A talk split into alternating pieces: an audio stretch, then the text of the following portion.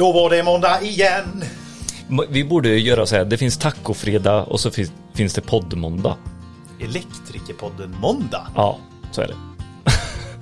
Vi har haft en eh, sjukt eh, kul vecka. Mm, vi har varit i Mora och i Orsa och bara träffat underbara människor, elinstallatörer, säljare, projektledare. Fan, de, var, de var så jävla glada där uppe. Ja, ja det var ett lugn också att se liksom det här Siljan i, i förgrunden och sen de här stora berg, Eller, fjällen. Nej, inte, det är inte fjäll. Det är berger ja. Ja, det är kanske. Vad är det för skillnad på fjäll och berg? Det stavas olika. Ja. vi, to- vi låter Google eh, fixa det där. Precis. Skriv in till oss på Instagram.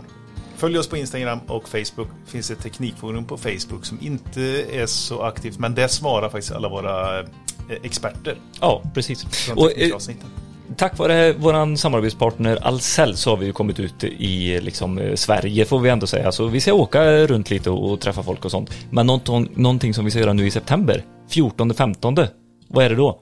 Då ska vi på mässa! Ja, det ska bli asroligt Ja. att komma ut och träffa folk. Stå Yes. där, köta skit. Eh, om någon, eh, alltså jag ser så här framför mig att bara, kan inte eh, spela in om det här? Det här eh, eh, ämnet, precis. den här personen. Alltså vi, vi kommer bara skriva ner så pennan glöder och, Och det ja, behöver- ha det- härligt samtal. Det är i Malmö är det. Det Easy är- Fair i Malmö. El och fastighetsmässan. Mm. Elmässan Syd, Malmö, 14-15 september. Be there. Det finns några intressanta ämnen där. Mhm. Framförallt tycker jag ju Ferroamp. Mm. Sen har vi ju den här lilla spelaren Elektroskutt som faktiskt är ifrån eh, orten vi också sitter i.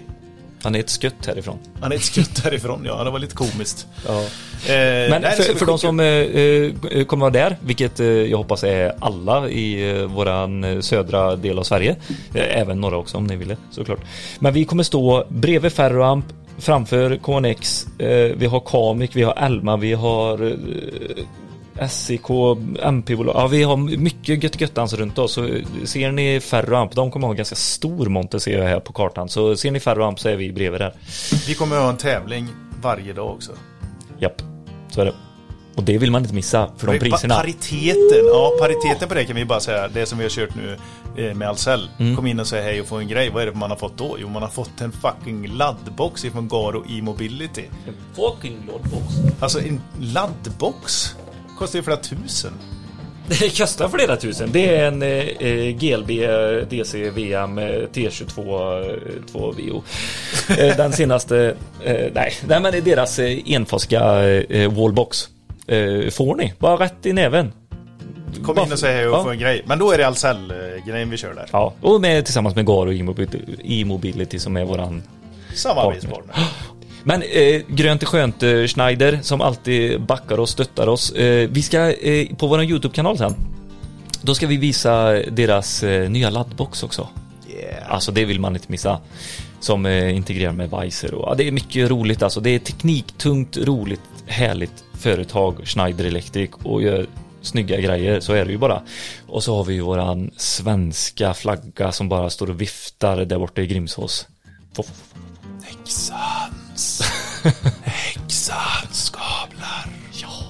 Och de kommer ni även få höra på i avsnittet här lite. Men det, man får inte glömma det alltså. Vi ska handla lokalt, vi ska handla svenskt. Inte minst nu när kriget är runt och Europa har blivit lite större och stäng, nedstängt och ah, den här skiten.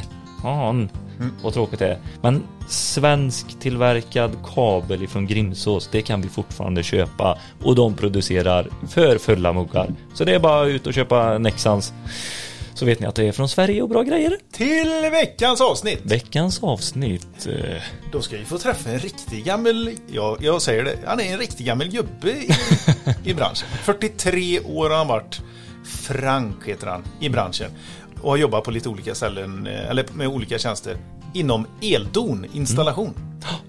Ja, nu heter det eldon-installation. Det, det, har, går igenom lite historia där. Det har varit en sån sjuk jäkla industri i Nässjö där alltså. Han fyller Herregud. 100 år i år. Eh, 1922 startade. ja. Som mest var de 1100 personer, nästan, Mm. ja, 1200 personer. Hade ett flertalet olika anläggningar i Småland. Mm. Produktion, tillverkning. Tillverkade alltså från första början tillverkade fan skruven Mm. som skulle sätta ihop ja, ställverkena och allt vad det var de Ja. producerade. Ja men de är ju jätteduktiga på olika kopplingslådor och sånt. eh, ni- Kapsling och- Ja precis, olika kapslingar så heter det. Tack. Rätt och riktigt. Eh, eh, men de, de har ju skalat ner lite under åren också och ska, byggt till och fram och tillbaka. Så det är väldigt kul att höra vad de gör nu och de har ju väldigt mycket roligt på gång också. De har gett sig in i den här elbilsladdarbranschen också. Ja, Så och det... det- är faktiskt Frank som har produktutvecklat den. Det är det var- Frank Erlandsson, 43 år på Eldon installation. Det är han som sitter bakom det där också. Skithäftigt. När han satt hemma och, och skissade på en liten eh, låda med frugan bredvid sig. Vad tycker du om det här? Ja, det blir bra. hård i kanterna. Ja, då blir det lite mjukt och Ja, fint. då tar vi det mjukare där ser du. Ha eh, en god vecka verkligen. allihopa. Om inte du har något mer att säga Billy. Jag skulle bara säga, du lyssnar på det här härliga avsnittet. Ha det gött, hej! Hej! Hej! Om el, om el, en podd som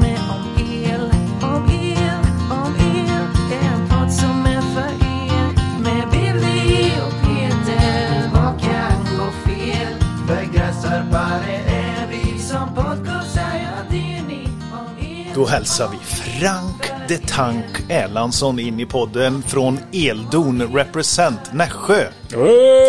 Tack, tack. Eldon installation, så är det riktigt rätt. Bra, tack Eldon Frank. installation. Det ska Eldon vi installation. ha med oss nu. Släpp Eldon, Eldon installation. Och det är bra att veta också för det är även er hemsida. Ja. Eldon installation. Eldoninstallation.se. Yes. Alltså det, det är ju ingen, det är ingen oerfaren herre vi har framför oss här alltså. 43 år skvallrar det om att du hade varit på Eldon. Yes. 20 september så blir det 43 år. Så det är nära nu. Ja, det är grymt. Applåd på den alltså. Ja, precis innan du applåderade så tänkte jag säga, vad, vad behöver man ha för fel för att vara kvar så länge? Jag har inte kommit på Eller det riktigt än, men jag ska fundera på det ikväll. ja. Ja, fan, du har ju gått hela vägen. Jag har gått hela vägen. Ja, du har, gjort, du har gjort allt. Ja. Och nu är du produktchef. ja. Och nu, du, nu sitter du hemma och skissar på laddboxar eh, vid köksbordet och inte kan Ja, sova. det, ibland är det ju faktiskt så att man eh, tar med sig problemet hem och eh, man föder bäst när man går och lägger sig på kvällen. Det är då på sena kvällar och på nätterna när man inte kan sova. Det är då man kommer på lösningen oftast. Faktiskt. Ja. Ja, det, det är skitcoolt alltså. Ni blir ju färre och färre som har varit länge. Ja, det är ju så. Eller så får vi många. se. Det kanske blir så att det är, det är några nu som växer upp och blir 43 år på samma plats. På Det- tal om många år. Alltså, Eldon installation. 100 år i branschen. Yes, Det är många år. det är många år. 1922, du slängde till oss en bok här som gjordes, eller som gavs ut 1982. Ja, Och som berättar historien bakåt då. Ja, så det var 60 år det. det var 60 år. Då var de säkert stolta. De var de säkert Ja, ja. jäkligt stolta ja, för då kom det en bok här nu. Som eh, Josef Rydén gjorde och då har man lite bilder så här på hur det ser ut i, i produktionen och så. Ja. Och då får det mig utsikt att tänka på eh, resan vi tog hit. När Mm. du kom och hämtade oss på stationen. Och så åkte vi förbi de gamla lokalerna. Japp. Och det här kan jag säga, det här är inte många som vet om. Jag som har jobbat som grossistsäljare har ju sett eh, många varumärken. Jag var på två olika grossister. Eldon var lite som jag beskrev MP första gången vi träffade Evert på MP-bolagen. Att det är ganska trist logga liksom. Det är eh, liksom så här, tillverkande industri någon gång i, i mitten på 1900-talet och så har det hängt med. Och det är samma här, så här typsnittet har hängt med sedan 1922 22. ungefär. Ja. I princip. Ja. Ja. det har gjort det. Ja, Ja. helt sjukt. Och eldon för mig är också det. Så här. Fan, vad är det? För det är väl något litet varumärke som har blivit uppköpt hit och dit liksom. Och sen eh, det var några gubbar i Småland som kom på någon bygla, något som blev något lite mer. Så. Man utvecklade från något litet, ja. Precis. Men herrejävlar, hundra år och de lokalerna, industrilokalerna som var här borta i, i storlek, du, du har ju suttit i dem. Har suttit i dem, ja. Kan du Jag inte berätta det. lite? Om Ja. du börjar första som vi åkte förbi där. Eh, för, första var ju Nässjöfabriken. Den byggdes ju 1959. Eldons ursprung var ju från ett annat ställe i Nässjö. Det var ju betydligt mycket mindre med flera våningar och så. här. Så man insåg att man behövde ha någonting lite modernare. Och därför byggde man ju det här 59 då. Det var ju första stora stället kan man säga. Det, det var, var väl ju- ungefär 20 000 kvadratmeter. Ja, vi måste lägga ut en bild Ja. på det. Det är stort jävla skepp alltså. Tegelskepp Ja. först. Ja. Huvudbyggnad liksom. Och sen bara det följer bakåt. Och det är verkstadslokal i två våningar. Så det är ju, tittar man på dagens produktionsytor så är det inte lämpligt att ha två våningar på det sättet med hiss emellan. Nej. Men på den tiden så var det ju det. Man hade skruvtillverkning nere i källaren typ och man hade utbehandling i källaren och det var sådana grejer. Och sen var det mer montage och maskiner som stod på första planet sen Så hissar man upp det, bara skickar ner en hink så. Ja, det, typ. Det var en hyfsat stor hiss man kunde åka truck i. Ja. Nej, sen byggde man ju till ett eh, centrallager några år senare där. För att man var tvungen att ha eh, plats för alla varor helt enkelt. Som också är hyfsat stort. Jag kan inte exakt antal kvadratmeter men Byggdes på 20 000 kvadrat. ja, Nej, ja. ja, det var den separata byggnaden som var längre ner där. Ja, just det, Så- den vi åkte till. Så den är nog ungefär 12-13 000 kvadrat som är bara lageryta då. Och man efter ett antal år, 74 tror jag det var, om jag inte minns fel. Så byggde man då Norrbodafabriken. Och Norrbodafabriken är 35 000 kvadrat. åkte vi förbi den också? Jag åkte förbi, det var den sista det var den sista ja. där. Där tåget gick in i Ja, fabriken. precis. Ah, ja, ja, Det ja. lossade man järnvägsvagnar med Vi är plåt rakt in fortfarande i. Nässjö. Ja, vi är fortfarande i Nässjö. Så det var stort. Nässjö är en, en knutpunkt eh, för de som inte vet och inte är från södra Sverige. Så är det en knutpunkt med mycket tåg. Ja, det är det. Därav SJs huvud. Alltså, men nej, det är så imponerande. Jag, jag blev eh, lite stum faktiskt. Mm. Och, Ja, jag blev ödmjuk. Jag visste inte att Eldon var så pass stort och gediget som det faktiskt var. Mm. År på nacken kan man ju ha, men att byggt upp alla de stora fabrikerna som har varit. Sen hade ni ju på andra ställen också. Ja, det fanns ju många olika ställen i Sverige som vi hade på. Ja, Vi hade ju i eh, Hillestorp fanns ju en rätt stor fabrik, Alvestafabriken som vi kallar. Vi gjorde ju elvärme där nere. Det var i stort sett bara elvärme till Sverige. Elradiatorer, Elradiatorer, eller ja. doppler. va? Det, Eldorna var ju väldigt stora på elradiatorer. Det var ju en av de stora grejerna vi hade. Okej. Så det var ju nästan bara den typen av produktion som låg där nere. Blomstrande 70-tal där när Ja. eh, elen var så billig och Det var fanns. Då satte man i taket dessutom. Alltså, du satte Det fanns mycket tak elradiatorer. väggar. Ja, överallt. takvärme fanns ju. Det finns fortfarande kåkar som har det här i Nässjö. Totalt livsfarligt. Det kan jag inte förstå. Nej, varför? Vem? Vem har eh, Man, fry, man fryser ju mest om fötterna tycker jag. Så att det, Ja, förutom på övervåningen. Ja, ja. var det för övervåningen man gjorde? nej, eller? nej, nej. För kråkorna då? Ja, för kroppen. Ja, det skulle vara det då. Nej, jättekonstigt. Hur många, när ni pikade i antalet eh, anställda? Anställda, vi var väl 1982 tror jag vi var som mest anställda. Då var vi 1180 man har jag för mig. I Nässjö. I Nässjö? 1180. Totalt hela bolaget då? Vet du det? Ja, eller? totalt i bolaget vet jag inte exakt hur många det var. För det fanns ju på så många ställen. Ja. Nässjö är ju en, en bygd då som är i storlek. Eh, Vi är ungefär 30 000, lite drygt 30 000 i kommunen. I stadskärnan är det nog, eh, säg 20-22 000 Nu. nu. Och då... Ja, det har inte ändrats jättemycket genom åren. Det Nej. var ungefär likadant då. Tittar man idag på folk som kommer upp i min ålder så har man ju nästan alla haft någon släkting som har jobbat på Eldon. Ja, det Så är, är så. det. Ja. Jag tycker det är härligt också. Det känns som, eh, precis som vi sa, det, det lyfter ju bygden. Mm. Tyvärr också faller bygden lite med det också. När det Ja, men det blir ju när en arbetsgivare försvinner så drabbar det ju bygden hårt. Det är ju så med. Ja. Men det märker vi mycket när vi åkt runt i de här småländska bolagen att Mm. eh, det är otroligt viktigt för bygden och vad de, eh, ni, ger ju tillbaka väldigt mycket Mm. till eh, samhället i form av sponsring på fotboll och skolor och Mm. allt detta liksom att ni hjälper ju verkligen till, ni är en del av samhället. När Eldon var som störst så var ju Nässjö IFs bandylag var ju Eldon-sponsrade helt och hållet. Det var ju, stod ju bara Eldon på alla tröjor och Ja. Mm. byxor och allt. Många av dem var anställda på Eldon. Ja, okej. Fick ja. de en, en kontrakt med Nässjö IF och inte hade ett jobb så började de på Eldon. Ja. Det var så. Fan, det här, det här är ju så kul också. Eh, Jag tänker ju på Facit. Mm. Som inte finns kvar idag. Alltså de som tillverkade skrivmaskiner. Mm.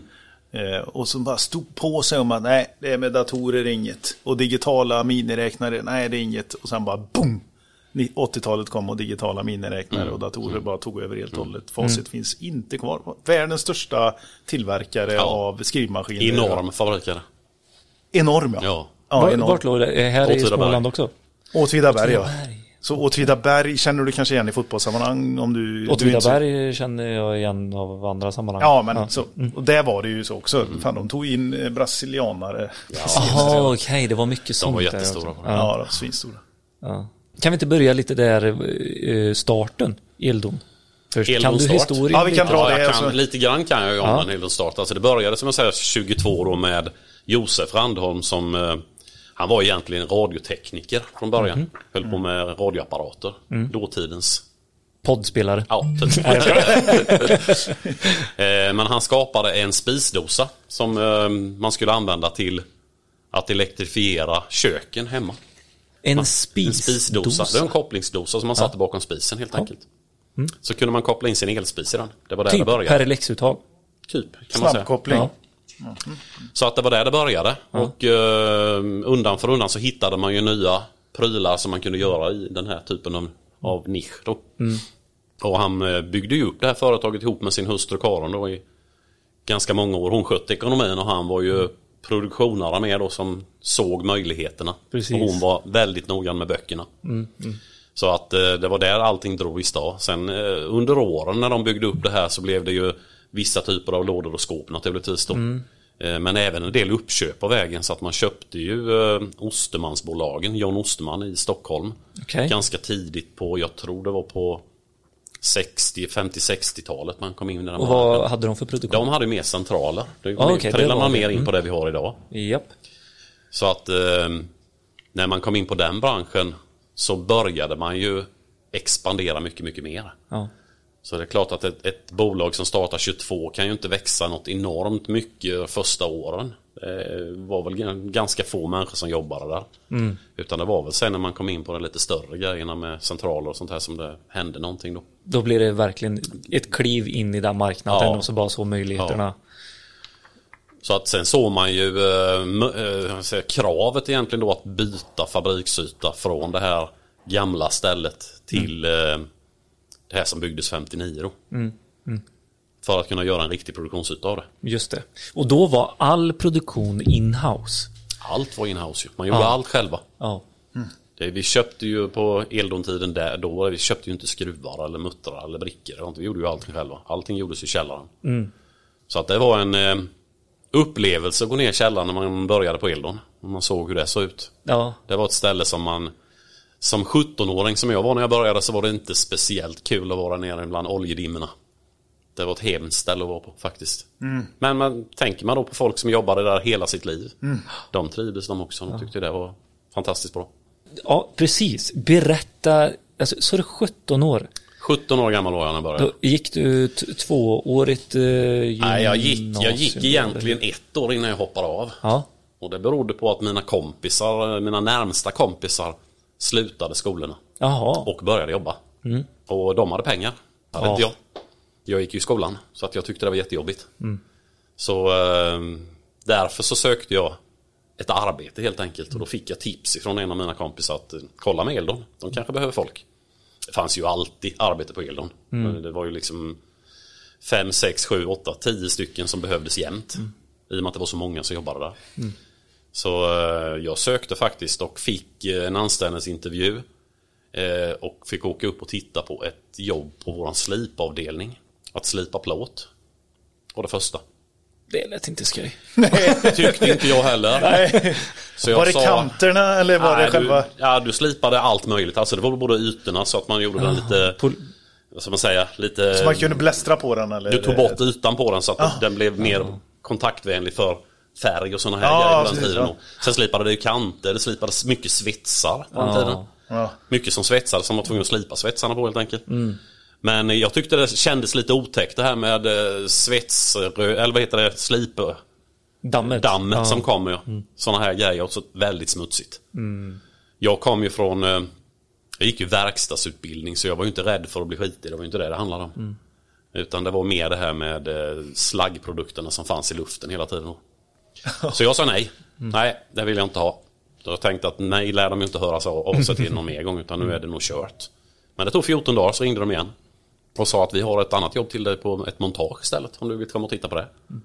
Så att eh, då åkte jag upp och kikade på det och det sa jag, ja absolut, det tar jag. Men du, var det så här då på den tiden också då som det är nu? Så här, alltså ungdomar då, vet du. De, De är så bortskämda. ja, de vill inte Ja. jobba, vet du. De vill inte jobba. Det har det nog alltid varit. Ja, Ja, det har det. Ja, det Det är har nästan det skönt att höra. Ja, det är bara olika saker. Ja. Men vad, vad sa mor och far när du slutade skolan? Så då? Jag tror inte det var populärt, inte vad jag kommer ihåg. Jag Nej. tror de tyckte att eh, du behöver ju en utbildning precis som alla andra. Och, Men eh, alltså jag kommer ju från en arbetarfamilj så det var väl inte jättemycket protester heller. Nej. Mm. De, visst, de nej. vet att du kommer klara det Vill du börja jobba så börja jobba då. Se till att du reder ut det. Det var väl ungefär så. Det första jag gjorde var, då fick jag stå på ett montageband där man gjorde mätarskåp och skruva ihop porslinssocklar till säkringar, till diacedsäkringar. Oj. Då fick man en, en kartong med 200 stycken säkringssocklar i. Och en kartong med, eh, Passdelar. nej inte passdelar Nej. utan hylsan som du sätter själva Ja, eh, alltså proppen gäng- i, eller Ja, ja, hylsan i om man säger. Den fick man skruva fast på eh, säkringsunderdelen på porslinet då. Mm.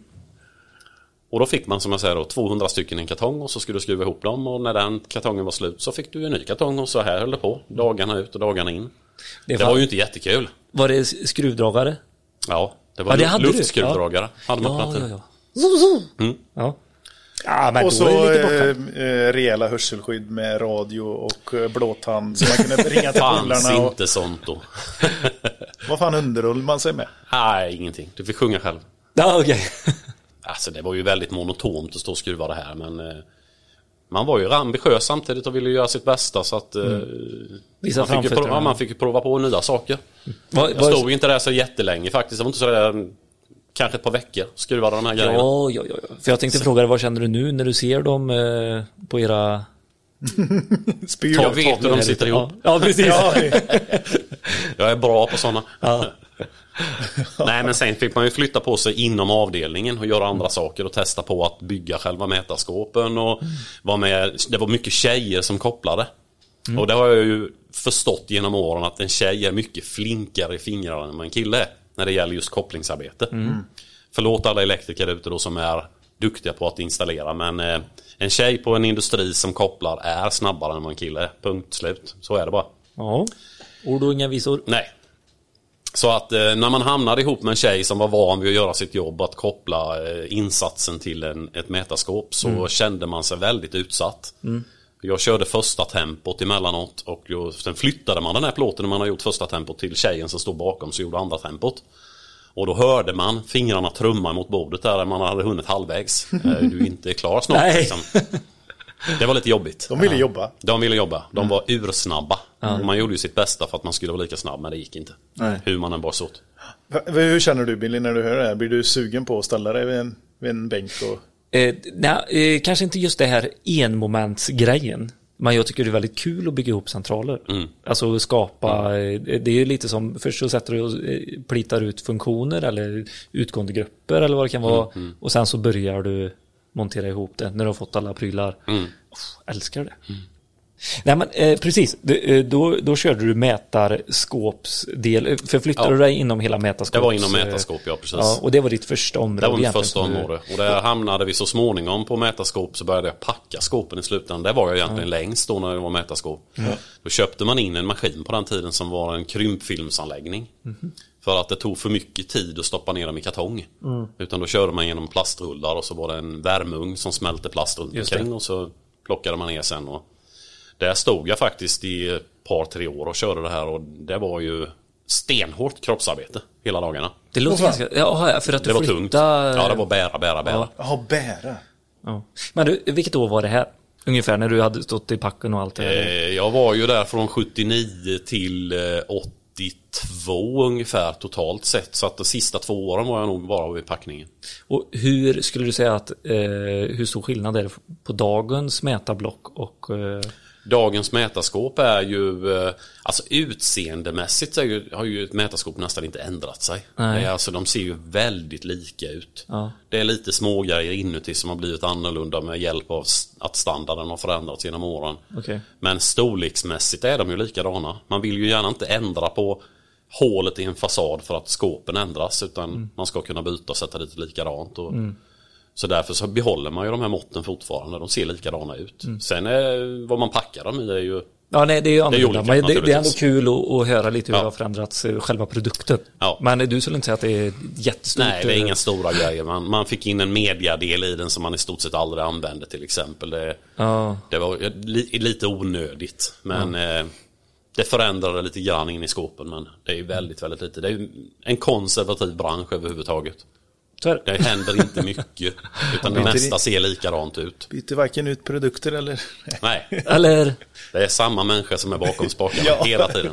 men du, sen så kom du, du kom in på ett eh, väldigt spännande område sen tycker jag. Mm. Just med lågspänningstallverk. Ja, precis. Berätta lite hur det var att komma in i Det den. var egentligen en, en slump kan man säga för att eh, som jag sa, jag jobbade med packa mätarskåp och eh, vi hade ju i huset, i den fabriken, hade vi en avdelning som kallades för U-avdelningen, utrustningsavdelning. U-avdelningen var eh, skåp som är till för automatik, eh, centraler man bygger, lågspänningsställverk man bygger. Och en maskinverkstad som tillverkar kopparskenor, beröringsskydd, plåtar, sånt som man behöver för att kunna bygga upp skåpen helt enkelt. Eh, Den killen som skötte maskinverkstan skulle gå på en eh, pilotutbildning. Han utbildade sig till pilot. Skulle köra en mörkerutbildning i USA och var tvungen att vara borta ett antal veckor. Och de behövde ha någon som skulle hoppa in som en stand-in för honom. Och då frågade de mig om jag var intresserad. Så du är också på pilotutbildningen och han stannar kvar? Precis. Nej, så det tyckte jag var spännande. Det är klart, det kan jag ju prova på tänkte jag. Ja. Så att jag hoppade in där och körde jobbet medan han var borta. Och de tyckte det funkade så pass bra så jag fick ett erbjudande om att stanna kvar. Så att vi eh, jobbade ihop några år sedan på just den här eh, serviceavdelningen som vi kallar det då. Men det här var vid nyproduktion eller? Det var nyproduktion. Ja, för du sa serviceavdelning. Ja, serviceavdelningen. Alltså vi servade de killarna som stod och byggde skåpen. Ja, okej, okej. Vi Och- plockade fram grejer som de behövde ha. Vi byggde Ja. upp en del ramar till ställverken. Vi gjorde kopparskenor, vi bockade plåtar, eh, massa Okej. sådana här saker. Då. Gick du över någon gång till konstruktions, själva skruv? Inte just då, Nej. Men sen startade ju eh, Eldon upp sin eh, högspänningsavdelning som egentligen var mellanspänning då. Men det Ja. kallades för högspänning på den tiden. Och då var det Och då skulle det börjas med att bygga 12 kilovolts ställverksskåp. Just Och eh, då fick jag frågan om jag skulle vilja testa på det här. Och det gjorde jag ju naturligtvis. Det var ju roligt att prova något nytt. Du som gillar att lyfta och bära också vill ha lite grövre vill ju- koppar. Ja, precis, jag ville ju ta i lite med. Ja. Så jag började skruva lite där och eh, det var ju rätt så roligt så att jag fick ju eh, bli ansvarig för eh, mekanikdelen i den. För det här var ju en helt ny avdelning. Så, eh, Mekanikdelen Ja, vi i... delade på mekaniken, alltså själva skruvandet av komponenter med Ja. skenor och plåtar och Ja, sätta okej. upp apparater och allting. Just Och sen fanns det ju en elbit i det hela då där du kopplade. Ja. Vi, jag var inte inne på elbiten överhuvudtaget utan jag bara gjorde mekaniken. Avdelningen eh, expanderade ju så att vi var nog eh, tio man när vi var som störst som bara byggde högspänning. Oj. För svenska marknaden? För svenska marknaden. Ja. Ja. Har, ni, har ni exporterat mycket i Eldons? ja, det har vi gjort men inte just de prylarna. Har vi inte exporterat utan men ställverksdelen har nog det har hållit sig ganska mycket till Sverige. Det finns väl lite grann utanför men inte mycket. Nej. Vad var det som var då? Det här är alltså på 80-talet. Det är på 80-talet ja. Vad, det verkar ju ha gått ganska många skåp där och grejer då Ja, det personer. var rätt mycket faktiskt. Vi hade var duktiga som- killar som sålde runt om i Sverige faktiskt. Ja. De var riktigt, riktigt bra på Var det det lokalnätet eller var- vart... Eh, vilken... Nej, det är alltså det kunde ju vara var som helst i Sverige. Ja. Så det, det var ju Det var ingen speciell våg då som kom? Alltså, det Nej, var nej, nej, nej, 80-talet nej, var industri... Nej. Det, Du behöver ju högspänning överallt egentligen. Ja. Eller mellanspänning då. Så att eh, det kan ju hamna i eh, större fastighetskomplex, eh, stora varuhus, fabriker, gruvor, eh, tunnelbanor. Det kan vara vad som helst. Alltså det sitter högspänning i. Så att vi har ju skickat till i stort sett alla typer av områden. Det har varit glassfabriker och det har varit ner i gruvorna och eh, massa sådana här ställen. Det var något som du pratade om som du var lite, som var lite kul där. Var det Gotland eller? Ja, Gotland körde vi ju ett ställverk till Näsuddens kraftstation. Ja. Som byggdes då eh, någon gång på slutet på 80-talet. Eh, ett ganska stort ställverk. De byggde ju en, eh, ett vindkraftverk som var eh, Världens- systerkraftverk till ett som står på Rügen utanför Tysklands norra kust. Eh, de två var lika stora. Det var de två största i Europa. Ja, precis. Visst var det det? Ja. Och jag har för mig att det var 90 meter högt eh, på toppen och eh, rotorbladen var enorma. Så att där skulle de ju ha ett högspänningsställverk som eh, tog hand om all ström helt enkelt. Eh, så vi byggde ett nyckelfärdigt hus vid Eldon Norrbodafabriken. Ställverket byggdes inne på fabriken och sen sattes det in i huset på våran egen mark. Gjordes helt färdigt så att det var ju liksom nyckelklart alltihop och skickades på trailerlastbil över till Gotland med färja. Så man lyfte huset. Man lyfte hela huset ja. Och det var ju en, en sån här betongkiosk från KL Industri. KL Industri var ju också ägt av Eldon på den tiden. Jaha, okej. Så våra dåvarande chefer på eh, ställverksavdelningen kom ifrån KL Industri. Ja, ja, ja. Så att vi hade ju samarbete där. Sen kördes det över till Gotland och installerades alltihop och eh, vi fick faktiskt åka dit en gång och byta ut en högspänningskontaktor och se det på plats hur det såg ut alltihop. Det var ju också spännande. Var du uppe på toppen? Ja, ja nästan hela vägen ända upp. Nästan. Man fick åka hiss upp i en kuggstångshiss invändigt på tornet. Till de sista två våningarna som var eh, med stege. Man fick gå den sista biten. Och där hade de ju, när man kommer längst upp så är det nästan bara hydraulik, oljetunnor och sådana här grejer för att få allting att fungera. Så hade de en taklucka man kunde klättra upp i med ett litet lågt staket där uppe så man kunde gå på toppen om man ville. Men den var låst utsikt. va? Var den eller? Den var Jag låst kommer där. inte ihåg om den var låst. Det tror jag. Jag vet inte. Va, varför skulle den vara låst? Som att någon skulle komma... För att Frank gick inte ut. Ja. Ja, Ja, jag gick faktiskt upp så att jag stod i knähöjd Ja, där uppe. Tittade ut, men jag gick inte längre. Så han låste sig knäna eller? Sen fick jag inte upp benen längre. Det gick inte. Det var för högt helt enkelt. Kände du svajet? Ja, det svajar. Det gör det. Och man såg bilarna där nere, de var som myror, så små var de. Oh. Det var hemskt. Fan bygger man stabilitet på någonting som roterar och är 90 meter smalt. Man gör inte Man kan ju tänka på de här som har byggt det, som var på utsidan och drog bultarna och det. Det finns mycket skrönor om det. Ja, ja det, Det var ju att- lite Sveriges fall eh, i, eh, för de var ju med bra långt eh, på vindkraftssidan. Mm. Men det var att de tog i för mycket. Byggde för stort Mm. och för högt, för fort. Det var därför eh, De fick bromsa eller? Vestal eh, i, i Danmark, det är ju de största Mm, nu.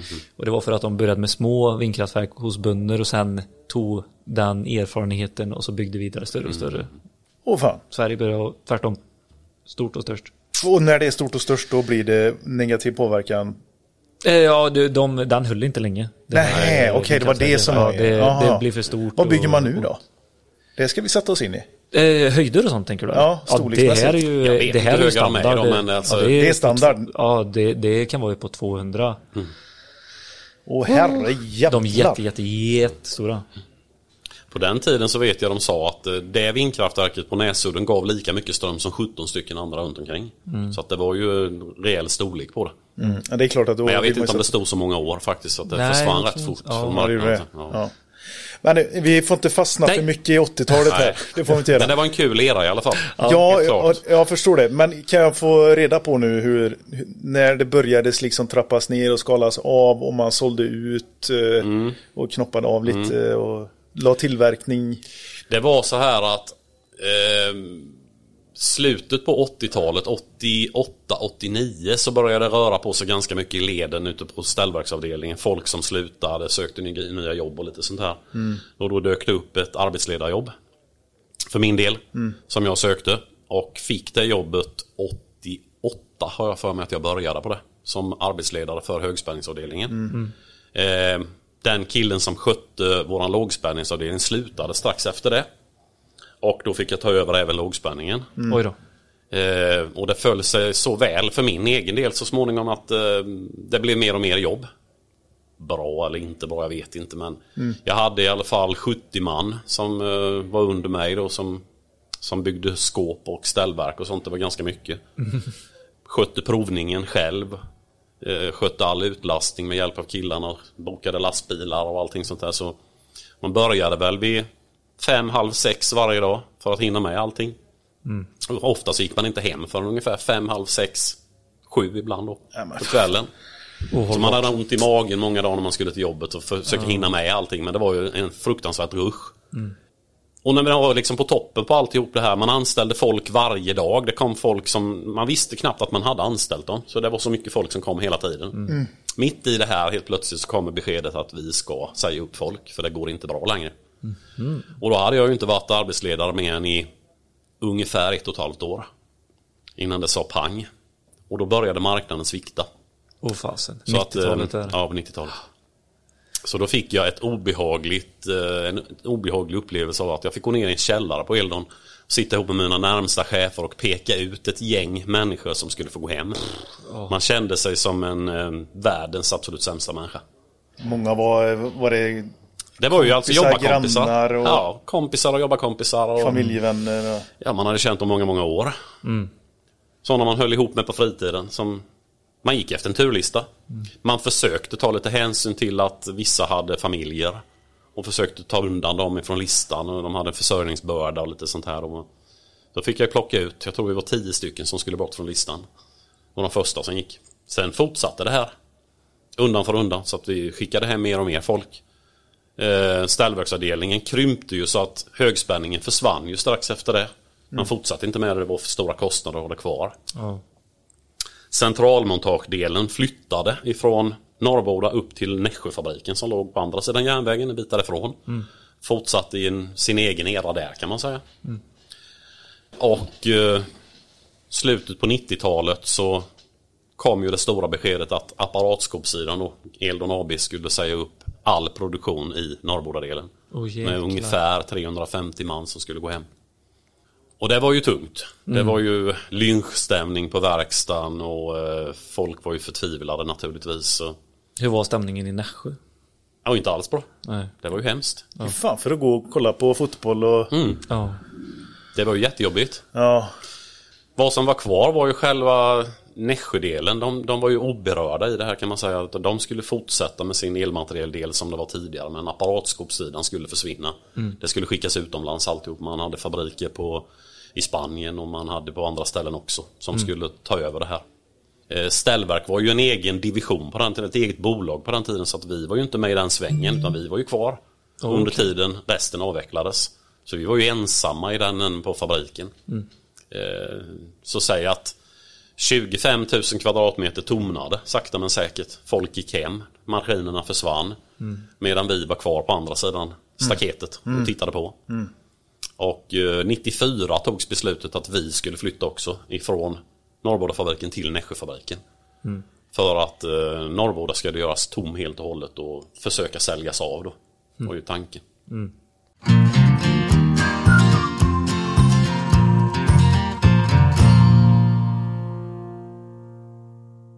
Och där tar vi en liten paus i detta underbara avsnitt. För nu ska vi prata med Nexans. Och inte vilka som helst utan eh, Jonas och Aron. Det är spjutspetsen på Nexans eh, kontor och vi ska prata om DC-kablage. Det är ju någonting som är verkligen eh, upcoming om inte redan jäkligt uppe. Eller vad säger ni? Så är det. Så är det. Nej men och, eh, vi, vi har fått frågor faktiskt, både jag och Peter in så här. Jag skulle vilja ha lite mer om eh, DC. Eh, hur, hur tänker man där och sånt? Och ska vi börja med kablaget tänkte vi här då. Vad är det för skillnad på, ett, eh, på en DC-kabel och en AC-kabel då? Ja, det är ju ingen jättestor skillnad egentligen. Det är ju DC, då är det faktiskt bara två ledare. Det är ju plus minus. Och eh, AC är ju ofta tre faser och ja, och kanske noll och jord. I, I och för sig, man har väl också en jord i, i ett eh, DC-system. Men det är väl Jaha, att, det har man. eh, I ja, även kablaget? Ja, det kan. Det är lite olika uppbyggnad. Ja. Kan ha det. Men, ja, men, eh, men man vill ha referens till jord och så vidare. Så det är, det, det är väl det, det stora skillnaden att det är faktiskt färre ledare i en, i en DC-kabel. Och då börjar jag tänka, för nu pratar vi uppbyggnad, alltså själva kabelkabeln. Och är det någon skillnad på hur strömmen för sig i kopparn? Ja, det är det. Ja, Lite grann. Nu tittar jag lite på Jonas här. Men eh, eh, alltså i AC-kabel så har vi ju, när det blir stora tvärsnitt och så vidare så har vi ju något som heter skin-effekt. Och att den, den eh, strömmen går ju mer i ytterkant på en stor ledare och så vidare. Ja. Det har man inte de problemen till exempel i en DC utan där utnyttjar man hela eh, ledaren och så vidare. Så det, Hela det, tvärsnittet. Ja, Jaha, okej. tvärsnittet. Det är faktiskt intressant. Visste du det Peter, när det blir lite högre, att du bara använder yttre, säger man, ma- kan man säga mantel eller yttre delen av kabeln? Ja, ytter, ytterlagret av en stor ledare, det, då kallas det skin-effekt. Då, då, förlägger, då går mer, mer ström i ytter, ytterkanten på, på ledaren. Så enkelt är det. Ja. Och det är grövre tvärsnitt framförallt. det kände jag inte till alls. Varför gör man inte ihåliga kablar då, då om det är bara dött material i mitten? Det kan man göra. På riktigt stora tvärsnitt så kan man göra det i, i tårtbitar och så vidare och dela upp det för att man inte ska få den här effekten. Så det, Okej. det finns den, den tekniken. Men det, nu pratar vi stora. Men eh, vi brukar inte ta hänsyn till det under 400 kvadratmillimeter och så vidare. Jaha, okej. Ja, då inte något, en eh, villainstallation eh, berörs utav. Nej, Är du den lyssnaren nu, du får jättegärna höra av dig. Ja, verkligen. Men okej, eh, åter till lite uppbyggnad då. då eh, samma typ av eh, uppbyggnad av koppar och kabel. För eh, isolationen, är, det är samma krav där även fast det inte är, eh, är eh, AC. Ja, Dubbelisolerat. ja. Eh, stämmer. det som jag kan tänka på då, eh, när vi snackar spänning i eh, vanliga, för en solcellsanläggning, vad ligger spänningen i där i eh, cirkus?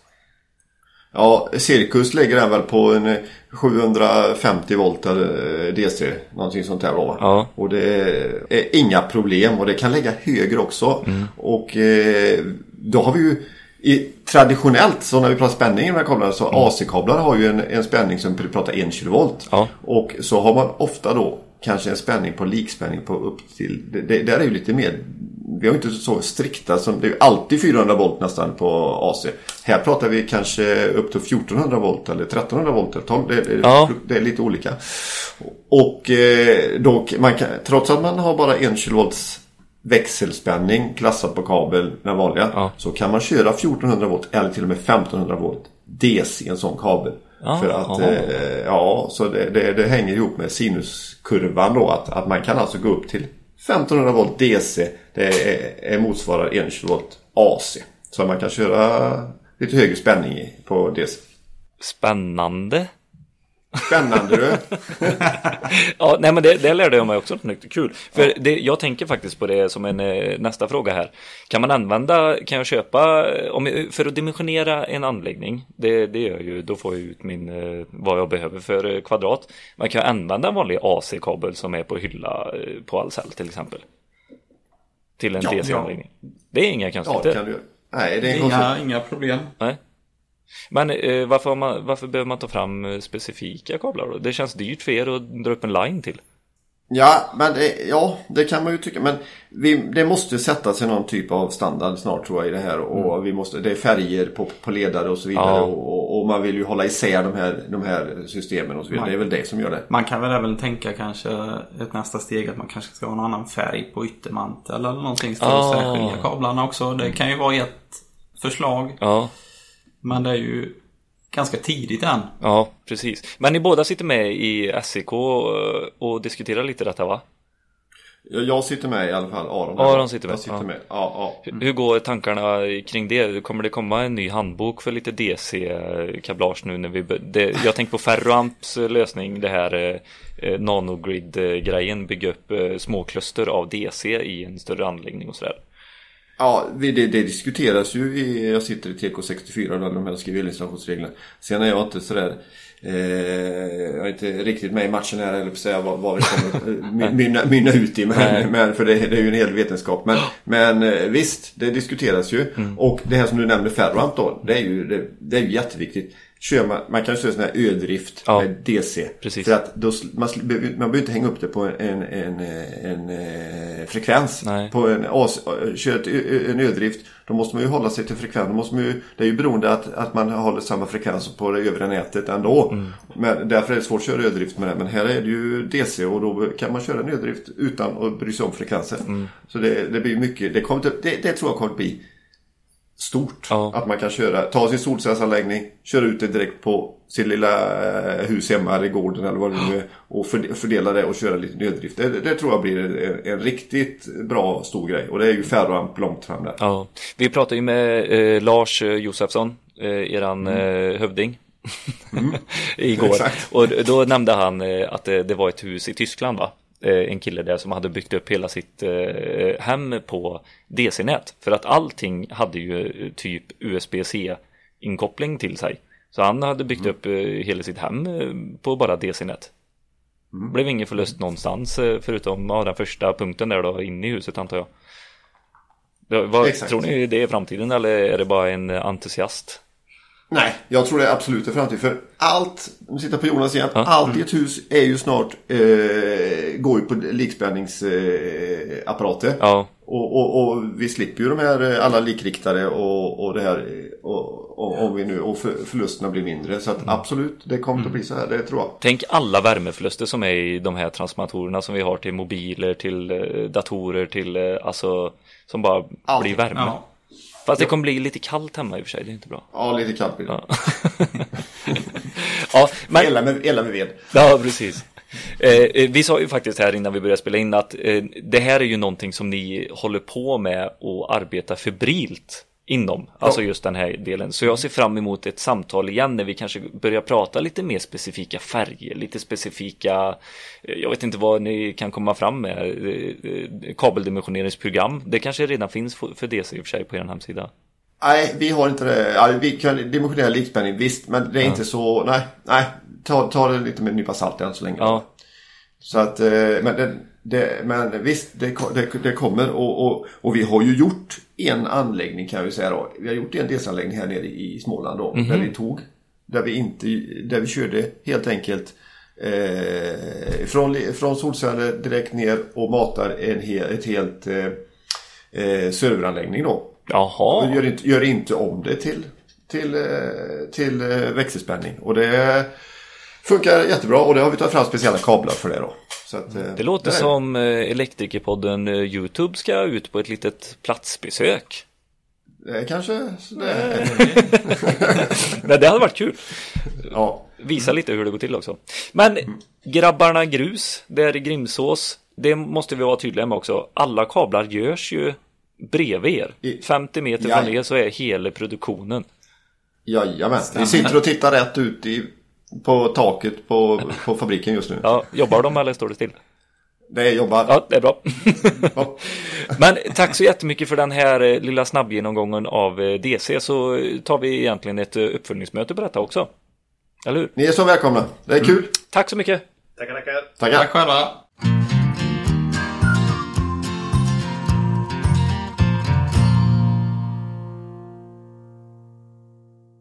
Så 94 fram till 99 var jag arbetsledare på den delen. Innan eh, det var dags för ytterligare en omgång att säga upp folk och då var det tjänstemän som skulle bort. Så där du. Och jag var ett av de namnen som var med på listan. Men eh, med hjälp av skickliga jobbarkompisar och skickliga förhandlare så lyckades eh, de behålla mitt namn inom Eldon. Annars hade man inte varit så länge som 43 år. Nej. Så att jag eh, fick möjligheten att komma upp på kontoret och ta hand om eh, produktberedning istället. Alltså se till att strukturer och ritningar och allting hamnade på rätt ställe och att eh, saker och ting fungerade i datorerna. Okej. Så att eh, där satt jag i eh, två och ett halvt, tre år någonting på den platsen.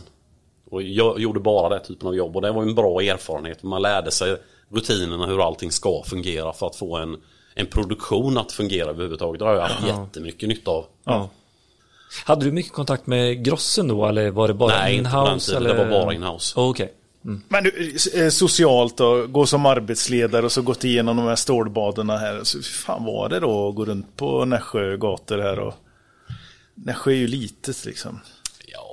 Ja, Det, Alltså, det var det- inte lynchstämning på, på dig eller Nej, andra chefer Nej. eller... Jag har alltid varit en så trevlig person så det har aldrig varit några problem. Men eh, nej, jag- alltså ärligt talat. eh, Lynchstämningen var nog mer mot höga chefer. Ja, och bodde nog- de på orten eller? Ja, en del. Ja, Men inte alla. nej. Ja.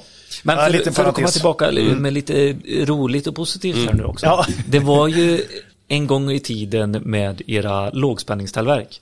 Som det hände något lite kul som du berättade om, lite kuriosa så. Pippi... Ja, vi bytte ju färg på den. Ja, precis. ja. Och det är säkert många Ja. lyssnare som kanske känner igen det också. Det tror jag säkert att Om det du kan berätta lite bakgrundsstory. Vi hade en, eh, det kom in en kille som blev våran marknadschef och så småningom våran VD lokalt. Eh, som hade en idé om att vi skulle byta brytare. En ny brytartillverkare skulle in och många gånger så ska man ju, som vi brukar skämta lite om, man måste göra något avtryck i alla fall. Och då kan man ju byta brytare. Även om det kan vara väldigt besvärligt så, så gjorde man det. Och för att man ska se att någonting har hänt så byter vi också färg på ställverken. Så vi gick ju från de traditionella gråa, lite trista färgen då som alltid hade varit till en pippigul. Yes! Så jäkla gött. Eh, Pippigula ställverk eh, vet nog många runt om i Sverige var de kom ifrån. Ja. Och den färgen levde nog vidare under eh, ja, 6, 7, 8 år i alla fall. Ja. Kan jag tänka mig. Coolt Som det fanns. alltså. Det är 20-talet detta. Eller Nej, man? nej. 2000? Är det inte? Nej, vi är fortfarande inne på, på 1900-talet. Oh, fan. Men eh, jag har inte sett de här, eller jag känner inte igen dem. De pippigula. Det finns nog säkert någon gammal katalog jag kan visa. Ja, Nej, men det hade varit kul att se. Är det någon lyssnare där ute som har varit eller är i något sånt ställverk? Skicka in bild då. Ja, Det hade varit kul att se. absolut. Problemet kom ju sen när man skulle byta tillbaka. Du skulle ha den gråa färgen igen eller gick tillbaka till 7035 som den heter då. Och du måste lacka om allting. Eller byta en lucka lite sådär så Ja. blir det lite... En sak är att du byter till en grå färg till hela ställverket där du har nytillverkning, lackat grått från början. Men om du lackar om en gul lucka till en grå så är den inte grå. Nej. När den sitter mitt i högen bland de andra gråa. Så vi hade jättemycket problem med just det här att det lös igenom. Den Ja, gula okej. syntes ju igenom. Så man fick ju lacka många gånger. Ja. Och då, då blev ju inte det bra och så blev det dyrt, ja visst. Men det var ju en rolig era. ja, Det var ju... synd att ni släppte Det den. syntes ju verkligen. De gula ställverken. Vilken jävla makt ni har ändå. Mm. Va? Kunna färgsätta Sverige. Ja, precis. Nej, jag, jag tänker på att det var, de stod och rökte lite så här också så kunde man se, det, då är det skitsamma när det är gult. Ja, när man så ja. röker som eh, elektriker. det är bra, positivt på den tiden. Annars Kan, kan det ha varit eh, andemeningen? Nej, jag tror inte det. Nej. Undrar vad det, eh, pratade du med han som tog det här beslutet? Undrar vad han fick just den färgen ifrån? Jag vet faktiskt inte. Får fråga honom. Ja, ja, är han Leif, ly- lyssnar du på det här så får du höra av dig. Ja, det får du göra. Hur fan tänkte du? ja, det var en rolig... Ja, det var lite parentes. kul ändå i den här världen. Ja, verkligen. Men ja, okej, det- åren går och du, du efter det här sorteringsarbetet som jag kallar det då. Efter beredningsjobben. Beredning. Ja, så eh, sökte man ju en eh, konstruktör Mm. internt på Eldon. För att rita och eh, ja, ta fram produkter helt enkelt. Och eh, jag hade lärt mig internt att rita. Så Mm. jag kunde lite CAD. 2D-CAD körde vi bara då. Mm. Eh, men jag, noterade att de sökte. Men jag sökte inte jobbet. Ja, okej. Men däremot så kom våran dåvarande VD ner och satte sig på mitt bord och frågade Har du sett att vi söker en eh, konstruktör? Ja, så. Är det något du skulle kunna vara intresserad av? Ja, kanske så. Vad fan söker du inte för? Så. kan jag väl göra då så. Ja. Och då visste jag ju att de ville ha mig som konstruktör. Och då var det lite lättare. Så att eh, där körde vi vidare under några år med att eh, både konstruera och bli lite produktspecialist. Var med lite ut på fältet, var med ute på mässor, träffa kunder, träffa grossister. Få känslan av hur bra det känns att kunna stå framför folk och berätta hur saker och ting fungerar. När man kan det. Tryggheten i sig själv. Tryggheten i sig själv ja. För kan man en produkt och kan berätta det och se att man kan få ett bra gensvar hos de som lyssnar, då är det faktiskt jättekul. Får jag prata lite nutid med dig? Absolut. Är det okej? Jo. Som eh, produktchef så sitter du och eh, ansvarar då för att produkterna utvecklas och sådär. Hur är det då i de här tiderna nu när det är inom parentestecken kris på att få tag på komponenter och råmaterial och det ska, leveranser ska komma i tid och leveranser som har försvunnit. Alltså hur, hur, hur fan tar ni er an det här idag? Vi skyller alltid på våra leverantörer. Bra. Det är deras fel i alla lägen. Nej men man får faktiskt försöka på något sätt att lösa problemen. Det är inte alltid lätt. Man kan inte tumma på kvaliteten. Det är ju nummer ett. En produkt som vi släpper från oss ska vara säker för en användare. Det, är, det är nummer ett av alltihop. Det handlar faktiskt om liv och egendom, det vi bygger. Man måste vara stensäker på att det här funkar. Så det, det, det håller vi stenhårt på. Men du kan ju göra vissa förändringar. Kanske den här plinten som sitter i en fördelningscentral kanske inte behöver vara just den då. Utan man kan ta en annan variant. Det finns ju så pass mycket olika. Det som är det stora problemet är om, som vi har haft mycket just nu då, jordfelsbrytare finns inte att få tag i. Inga fabrikat överhuvudtaget. Hur Varför är det så? Det är ju en komponentbrist. Det är- Rå, råvarubrist någonstans. Som gör att inte de får fram det. För det, Så det har handlar inte om att man har, fabrikat. det handlar inte om att man har slutat tillverka. Nej, Att nej, det nej, har nej, varit en nej. överetablering och så... Det här var ju en pandemieffekt. Det var ju därifrån det kom först. Ja.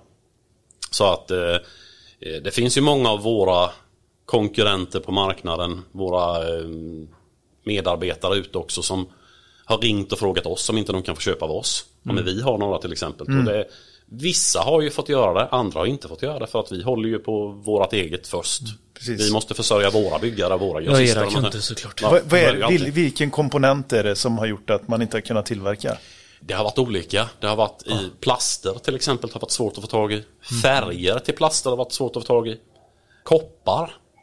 Också varit jätteproblem. Jaha. Så att det är mycket olika komponenter i det här som har gjort det. Okej, men vi har ju sjukt mycket plast Ja, det hjälper inte. som inte återbrukas. Det hjälper inte. Ja, Jag vet inte om de kan använda all typ av plast som eh, återvinningsmaterial för att göra nya sån, den här typen av komponenter. Jag vet inte hur det Ja, funkar. men vi har ju, jag kan ju nämna lite grann här. Jag har ju sett eh, Alco Ocean Plastic till exempel. Och sen kommer ju andra varumärken också. Med Vi har sina, ju Schneider som eh, har eh, automat, en automatserie med bara återvunnen plast. Och lite sådär. Så det börjar ju komma lite, men jag tror det verkligen att det är så som Frank säger, att det är en speciell plast du måste ha till den, även fast det, vi Ja. får fråga dem lite hur, hur de kom fram till rätt plast. Det är väl också så när man tittar just nu på plastpriserna så har ju de rusat i höjden. Ja. Så det har ju någonting med det här att göra att det är brist på, på, Jo, på det, ja, materialet. det, absolut. Det, så är det ju. Men just komponentbristen gör ju då att eh, en, en sån här komponent som en jordfelsbrytare är ju en av de viktigaste bitarna i en central många gånger. Du måste bara ha den. Och då får man ju börja leta runt omkring om man kan hitta någonting annat som är likvärdigt. Problemet är ju då att Alla andra är likadant. Ja, alla andra är likadant. Och kunden eh, kräver och standarden kräver att det ska ha en viss typ av eh, fabrikat genom hela serien. Mm. Det ska hålla en viss nivå på det, du kan inte blanda. Och precis som du sa, ni vill lämna ifrån er den Ja, tryggheten. vi att måste kunna lämna ifrån oss den tryggheten att det är en säker produkt. Men eh, vi har faktiskt lyckats ganska bra i alla fall. Eh, vi har hållit oss flytande med hjälp av duktiga medarbetare inom företaget och mycket bra kontakter ute så har vi klarat av det fantastiskt bra faktiskt.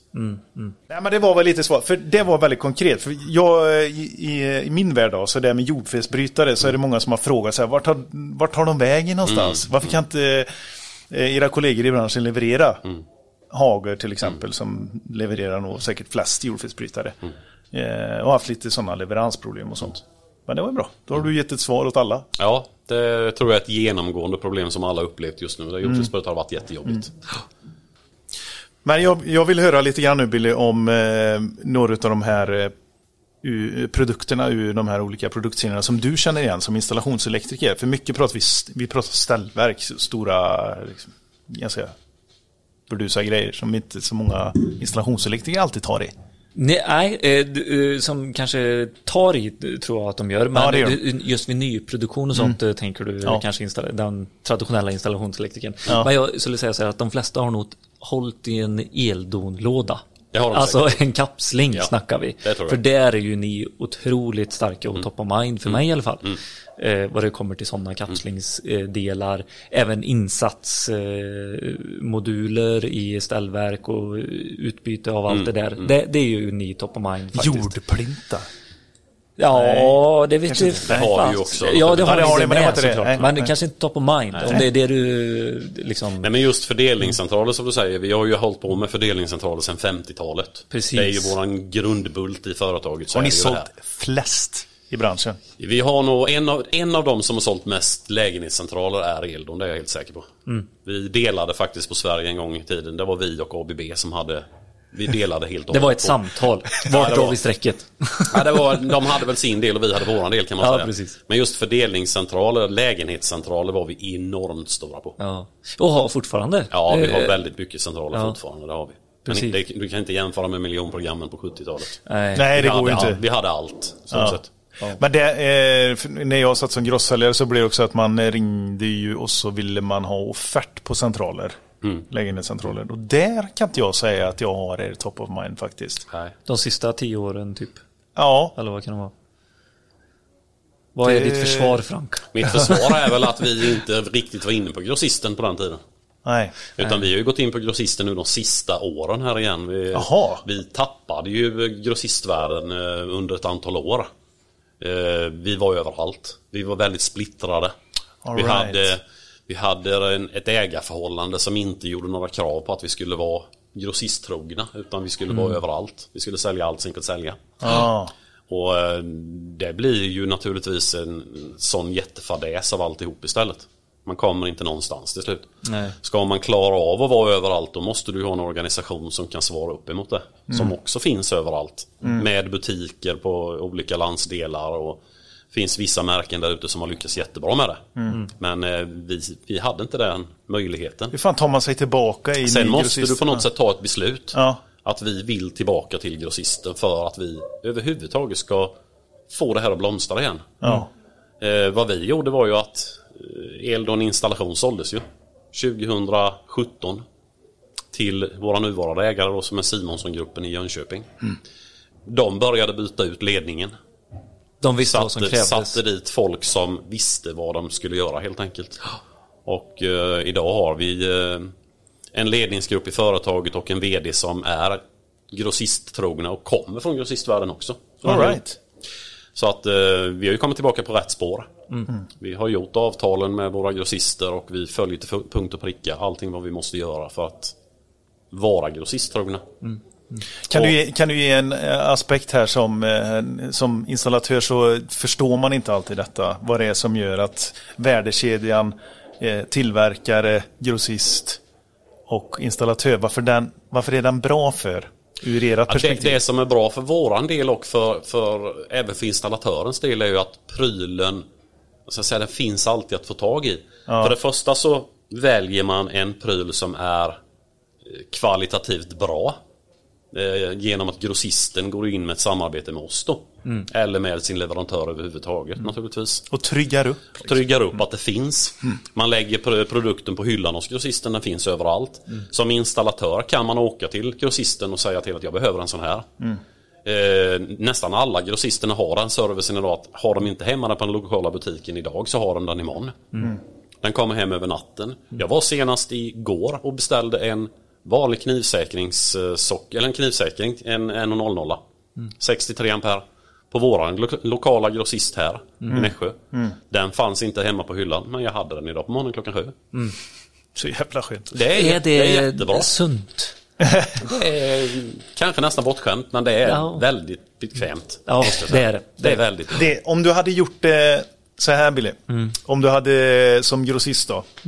Så hade du tagit in här, säg tio olika typer utav tillverkare och leverantörer på samma material. Och så kan du beställa, alltså Amazon-grejen. Som bara konkurrerar i en lista egentligen, vem som har bäst pris. Och så ska alla ha en bil som kör en pryttel. För, för att det är genom grossisten man säljer. Då. då blir det ju en då kan jag tycka att det är osunt. Men här väljer ju grossisterna nu och så städar man upp liksom.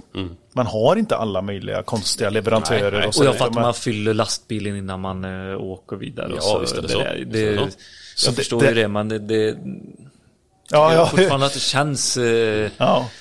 Nej, men sen är väl en jättestor fördel är ju den här installatören som står ute och kommer hem till eh, fru Svensson när det gått sönder en sak. Jag behöver ett nytt relä eller en ny jordfelsbrytare eller någonting. Eh, Men det sitter något udda. Var får jag tag i det? Jag kan gå till grossisten och fråga, har ni den här? Nej, den finns inte. Ja, men jag kan ju inte sätta dit någonting annat. Det funkar ju inte. Nej. Var ska jag då få tag i den? Då är ju fördelen med att du har en grossist som har alla prylarna och att du är grossisttrogen att den där centralen det står Eldon på, det vet vi att det finns prylarna hos grossisten också. ja. Det är ju det som är tryggheten i det hela. tryggheten. Men du, Frank. Jo. Ni har ju mycket roligt och spännande på gång också och som även är lanserat vad det gäller den nya tekniken i elbilsladdning och, och sådär, vilket är skitkul och snygga grejer. Vi har sett dem här idag. Men jag vill veta lite så här, eh, vad, vad är den vad är eran eh, liksom USP eller den mest sålda produkten som blir liksom den unika som gör Eldon till det starka varumärke som ni är? Vilken är den som har sålt mest? Mest av allting genom tiderna. Det måste vara lägenhetscentralerna. Våra gamla VU-centraler. Det är så? Det, det är nog Ja. den som har varit störst av allting. Det tror jag. Och det är också svensk, svensk tillverkat. Svensktillverkat och det var alla bitarna som satt i den var tillverkat hos oss. Ja, ja. Vi gjorde våra egna säkringssocklar och allting. Vi, när vi var på topp med våra egna säkringssocklar så låg vi på strax över en miljon om året. Våra socklar. ja. Det matade hela dagarna de maskinerna. Omvandla det här nu då till eh, era nya produktserie i elbilsladdning. Ja, ja, precis. Nej, man, kan, man kan ju egentligen gå över till att titta på de, de prylarna vi har idag när det gäller centralbitar. Det är ju våra kombinationscentraler som är väldigt populära ute. Det, är, det, det säljer vi mycket av. Och det är en fantastiskt bra produkt. Den är, vi är inte billigast på marknaden. Vi har aldrig sagt att vi ska vara billigast på marknaden. Men vi har en förbaskat bra produkt. Den är installatörsvänlig utan dess like. Och det är det vi säljer mycket på. Det är ju den som du visar här ute i Den showroomet här. ute, ja. ja, och det var den ni åkte till eh, ett stort bygge i, i Stockholm och så la den på golvet och så Ja. fick eh, installatörerna Ja. gå och tycka och tänka. De gick igenom allt och hade synpunkter på den och vi tog med oss den hem och ändrade på allt som de hade sagt och skickade upp den på nytt igen och sa, frågade vi hur många vill ni ha? Och då kan de inte gärna säga nej för de fick precis vad de ville ha. ja, precis. Och det funkade jättebra. Ja. Och den centralen säljer eh, fantastiskt fint idag och det, det beror mycket på att den är installatörsvänlig. Så att där finns mycket utrymme. Många installatörer frågar efter utrymme. Det är trångt, det är trångt, det är trångt. Men här finns det mycket utrymme. Man har mycket utrymme bakom centralen. Man kan fälla ut själva hållaren för modulerna så kommer åt bättre. Grymt. Man sätter upp den med två skruvar. Det är inte mer än två skruvar. Och få in den i väggen. Den är fantastiskt bra. Eh, Det måste alla tänka på när man ser prislappen då för att alla, många, eh, alla ska inte säga, men många säger att en central får inte kosta mer än så här mycket pengar. Men man måste också värdera själva installationen av den. Absolut. Du, Där kan man plocka mycket poäng. nu eh, ser jag det från en annan vinkel då. Det här, sådana här saker, så säger, det säger alla eh, leverantörer oftast när man har en, en dyrare produkt. Och så, ja, men om du räknar på det så, så effektiviteten i att det kommer att bli billigare. Men det är svårt för installatörerna att hänga med i det. Så jag tycker nog mer, jag lägger över det på er igen, att det är mer för er del att paketera så att man enkelt kan förstå vart det är fördelarna i detta. Så att jag verkligen direkt i förpackningen på vad det kan vara reklambladet eller vad det är, verkligen se tydligt att det här är något som jag, som jag faktiskt sparar in på. Eller effektiviserar eller vad det kan vara. Det är därför vi skickar med en montageanvisning.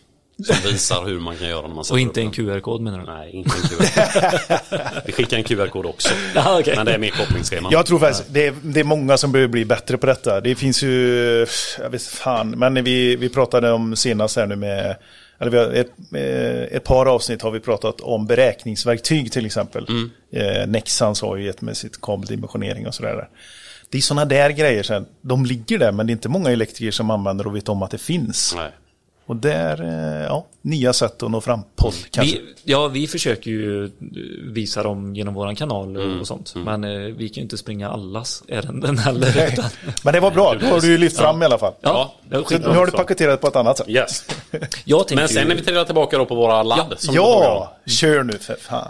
Vi försöker ju naturligtvis att bli en av de stora på marknaden. Det Mm. är ju vårt mål att komma ut och, och verkligen bli en av de aktade aktörerna. Mm. Det, är ett, det är ett jättehögt mål naturligtvis. Det finns enormt många där ute som är jätteduktiga på vad de gör. Så det är, ett, det är ett svårt mål att nå.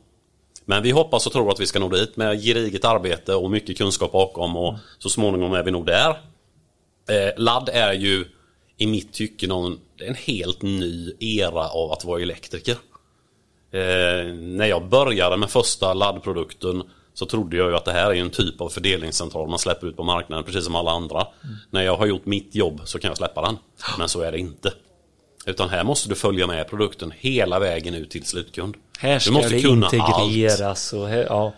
Alltså det här är ju lika mycket datajobb som att vara elektriker i alla fall.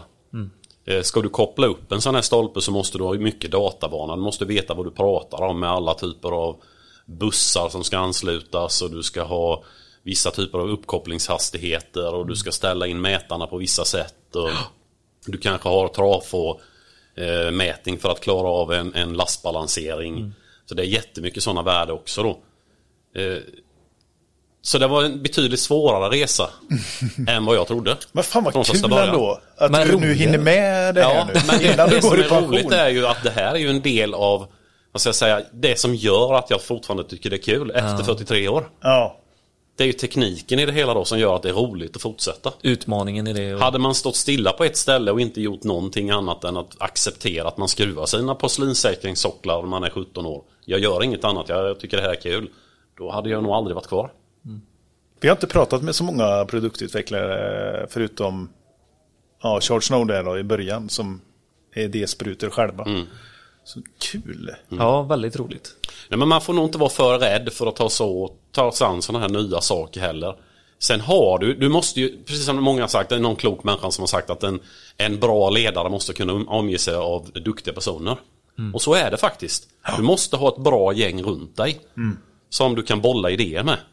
Och jag har väl alltid haft det. Det har alltid funnits folk som man kan prata med. Och varit prestigelös också. Ja visst, man, man måste acceptera att man kan göra fel naturligtvis. Och man får ta ett steg tillbaka och göra om och göra rätt i så fall. Det, värre är det ju inte. Nej.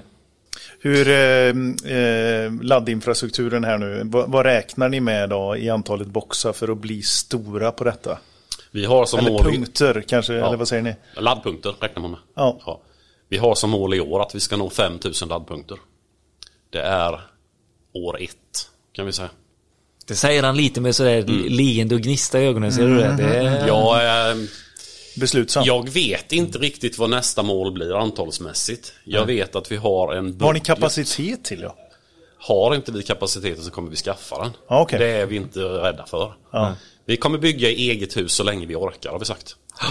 För att eget hus är ändå barnkammaren. Då lär du dig alla felen. Du kan göra någonting åt det. När du släpper ut en produkt till en byggare då måste den vara ganska fulländad. Du måste veta precis vad du vill ha för någonting för att du ska få en produkt tillbaka som är så som du vill ha den också. Ja. Då kan du inte hålla på och ändra var och varannan dag. Det kan du så länge du är eget hus. Eh, Men 5000 laddpunkter i år och eh, nästa år kanske ytterligare, om jag ska visa vilt, 2-3 tusen till. Eller kanske ännu mer. Lyssnar man på våra nyanställda säljare som är väldigt duktiga på det de gör. Ja. Så eh, undrar någon av dem vad de andra ska göra när han har sålt hela kvoten för året. Oh, Så man tar ganska stora ord i munnen men ja. jag tror att de vet vad de säger också. Ja, Det är svårt eh, ändå att säga om var, hur i volym hur många Mm. det kommer bli. Men man kan ju ändå anta utifrån hur många elbilar som ska rulla. Ja, så är det ju.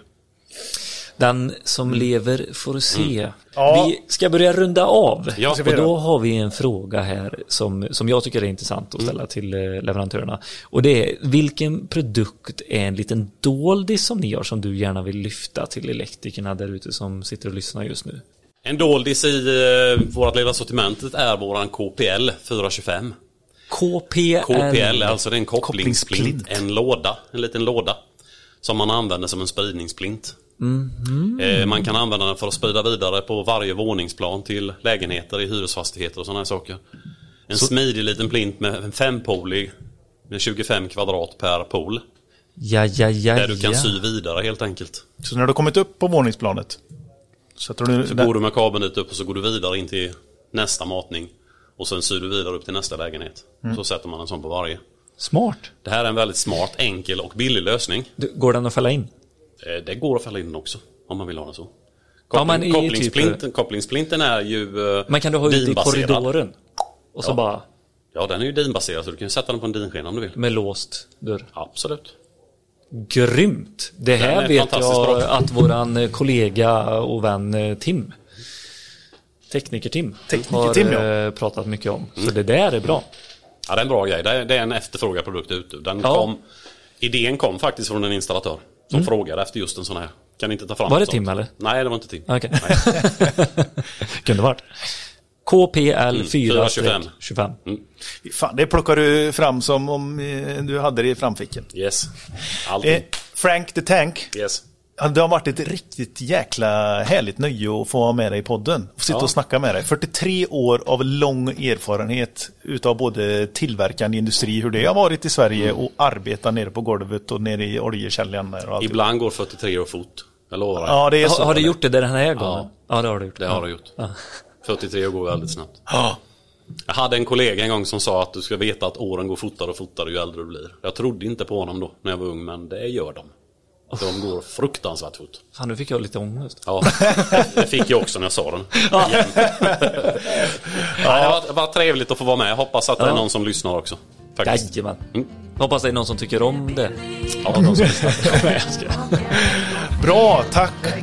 Supertack. Tack för att jag fick Ha det bra. Frank. Detsamma. Hej, hej. Om el,